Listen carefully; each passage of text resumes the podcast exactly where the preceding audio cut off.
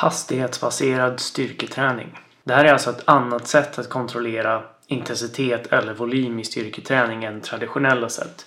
Så traditionellt sett när man förskriver styrketräning så gör man så att man, man förskriver det ofta utifrån procent av ett RM.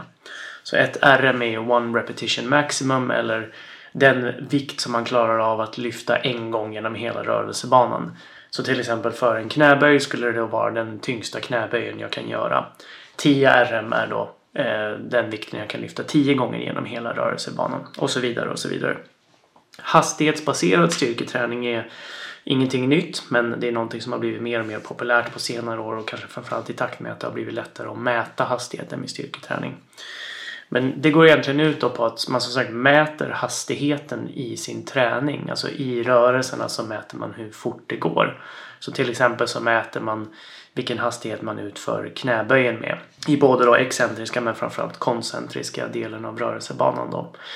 Eh, en av de grejerna man kan få ut där det är hastighetsförlust. Och det är egentligen det som vi ska prata om. Så det har kommit en ny Eh, systematisk eh, litteraturöversikt och metaanalys som har gått igenom forskning där man har tittat på vad som händer om man tillämpar hastighetsbaserad styrketräning både på kort och på lång sikt. Och det man specifikt tittar på här det är förlusten av hastighet under styrketräningen och hur det påverkar resultaten då. Både direkt efter passet men sen så kanske framförallt då på, på lite sikt om man tränar på det sättet.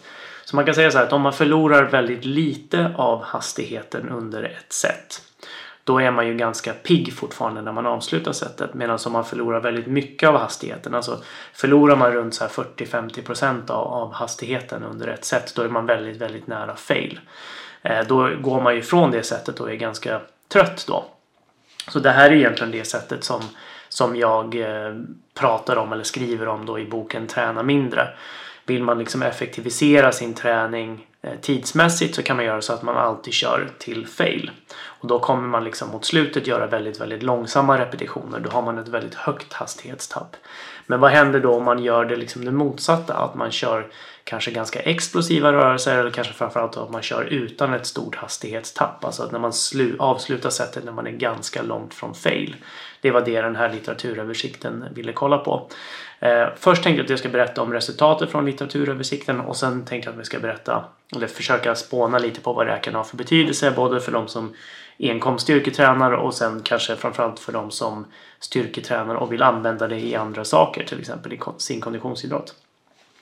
Så det man fann här, det var ett ganska väntat resultat om man har följt, eller har man följt forskningen så är det ett fullständigt väntat resultat eftersom det här är en sammanställning av all forskning. Men om man har ett litet hum om hur resultatet borde bli baserat på det man vet om styrketräning så var det ett, ett väntat resultat. För det man såg här var att om vi börjar då med att man tappar väldigt mycket av hastigheten, alltså att man ligger nära fail när man tränar. Eh, då kunde man se att det var bäst när man ville sikta på hypertrofi, alltså för stora muskler. Då var det liksom bra att ligga väldigt eh, nära fail och tappa väldigt mycket hastighet i sin träning. Man kan spekulera varför. Det kan ju ha med metabola saker att göra som att man liksom stressar musklerna väldigt mycket när man tränar på det sättet.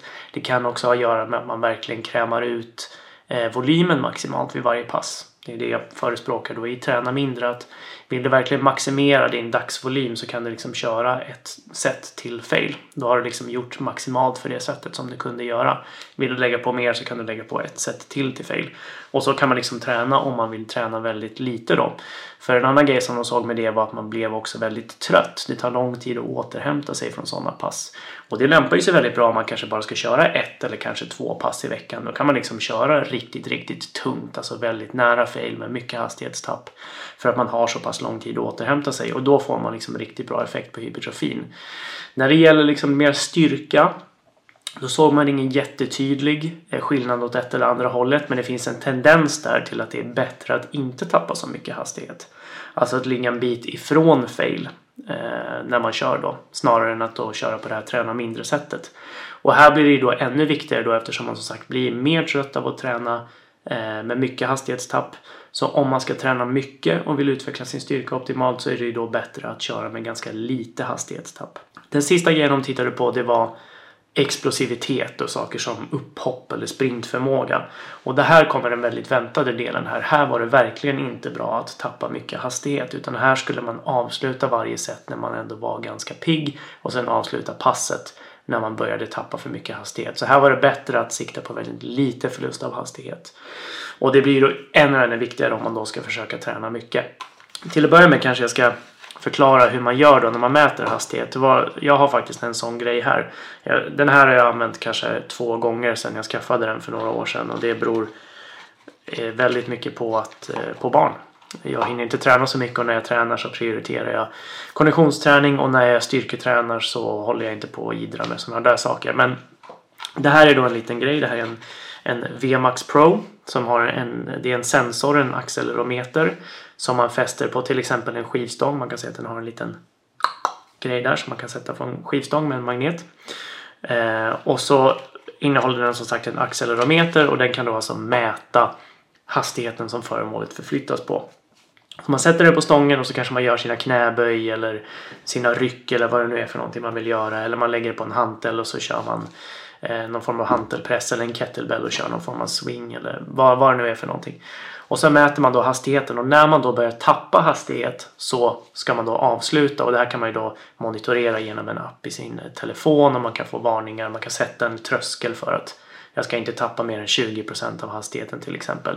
Då säger den till och då avslutar man sättet där. Så snarare än att du vet att du ska köra fem repetitioner på en viss vikt så säger du till jag ska köra på den här vikten, jag vill bara tappa säg då 15-20% av hastigheten och så avslutar du där. Vissa dagar kommer du kunna göra fler repetitioner på det sättet och vissa dagar mindre beroende på dagsformen då. Som sagt då, för de som bara vill styrketräna så är det i princip så att tränar du väldigt mycket så vill du ligga längre bort från fail. Du vill ha lite hastighetstapp eftersom det tar lång tid att återhämta sig från de här sätten där du kör riktigt nära fail.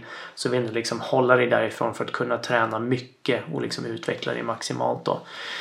Tränar du för styrka och explosivitet så blir det här extra viktigt. Då ska du ligga långt från fail med väldigt lite hastighetstapp. Tränar du för enbart hypertrofi så kan du liksom du kan med fördel lägga på dig lite hastighetstapp men inte då så att du börjar bli övertränad och börjar få besvär eh, för att du blir liksom för sliten.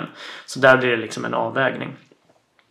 Men om man tittar då på konditionsidrottare, de som, eller andra idrottare som vill använda styrketräningen för någonting annat än bara att bli större och starkare.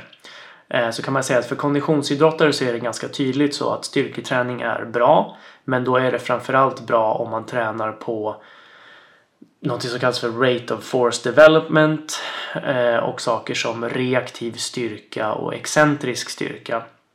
Och det här är saker som man framförallt tränar bra med antingen väldigt tunga rörelser, alltså där man kör med vikter som närmar sig ett RM. Eh, väldigt explosiva rörelser, alltså man kör till exempel kanske tyngdlyftning eller explosiva knäböj med ganska lätta vikter så att rörelsen går väldigt fort.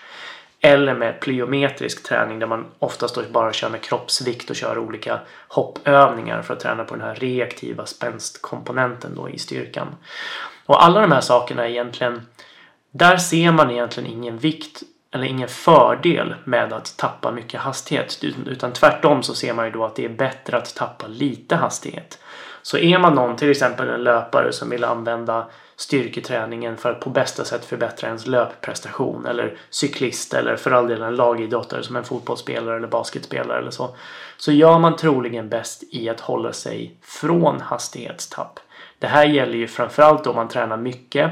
Men det är ju liksom så också att styrketräningen påverkar ju ens övriga träning. Om det är ens konditionsträning eller bollträning eller vad det nu är för någonting.